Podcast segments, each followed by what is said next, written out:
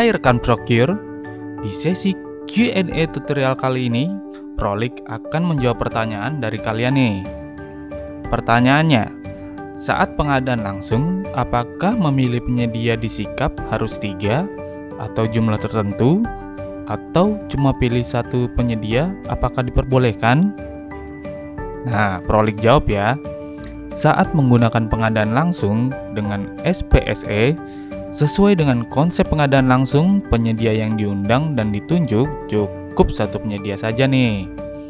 Namun, apabila PP membutuhkan calon pemenang cadangan, maka di aplikasi SPSE, PP dapat mengundang lebih dari satu penyedia.